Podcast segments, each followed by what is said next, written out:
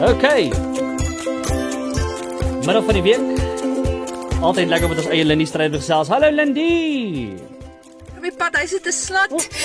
Ek weet nie van jou nie, maar ek het al baie gehoor van information overload en hoe ons kinders ons nie meer nodig het vir inligting nie, want dan kan ons nou enigiets Google, maar dit ons nodig vir die interpretasie van die inligting.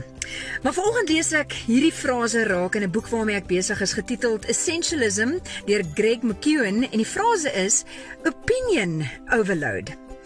So jy kan dink in 'n era waar ons so connected is met verskillende platforms op die internet, is ons ongelukkig ook meer as ooit blootgestel aan 'n oormate van opinies, uh oor dinge in die wêreld, die nuus van die dag, maar ook oor mense, ander mense maar ook oor my as mens en en soms erg persoonlik asof mense hulle die reg toe eien om te sê net wat hulle wil. Tussen al hierdie baie stemme na wie moet ek nou eintlik luister? En en dis 'n les wat ek onder andere in my werk as aanbieder geleer het. Byvoorbeeld, die een ou sal sê, "O, ek love dit as jy met jou hande gesels." En die volgende een sal sê, "Ek kan dit nie vat nie." Nou wie moet ek as aanbieder nou luister? Wel ek kies om na my regisseur te luister wie ek vertrou om my die nodige leiding te gee op die dinge wat ek nie van daai kant af kan sien nie. En en by the way, ek dink soms ons opinie van onsself is glad nie veilig nie, want ek sien hoe mense na hulle self kyk of na hulle self luister en dinge begin verander wat niemand eers geplaai het nie. So hier's my 3 sente vir vanmiddag se opinion overload. Eerstene, voor jy 'n opinie van iemand aanvaar, Is dit iemand na wie jy opkyk en wie jy regtig respekteer en hoekom is dit dat mense wie ons glad nie van hou nie, se opinies ons soms die meeste ontstel?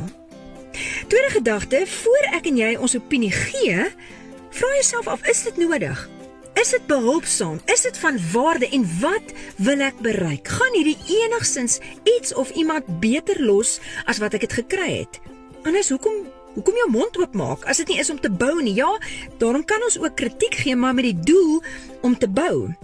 En vir my is dit maar die goue reël wat altyd tel.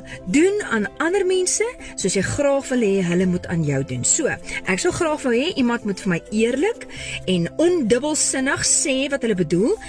Maar ek sou graag privaat wou herkou. So ek sou nie daarvan hou as iemand my nie openbaar verneder nie. Met ander woorde, ek gaan dit ook nie aan iemand anders doen nie. Soos ons tussen al die baie inligting moet besluit wat regtig van waarde is en wat ons gaan toepas en gebruik, moet ons ook leer om in hierdie era te besluit na wie se opinies ons gaan luister, want jy gaan nooit almal tevrede stel nie en almal kan nie van jou hou nie.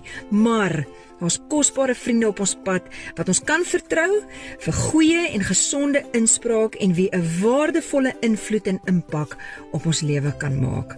Spit jou ore vir daai ouens se opinies.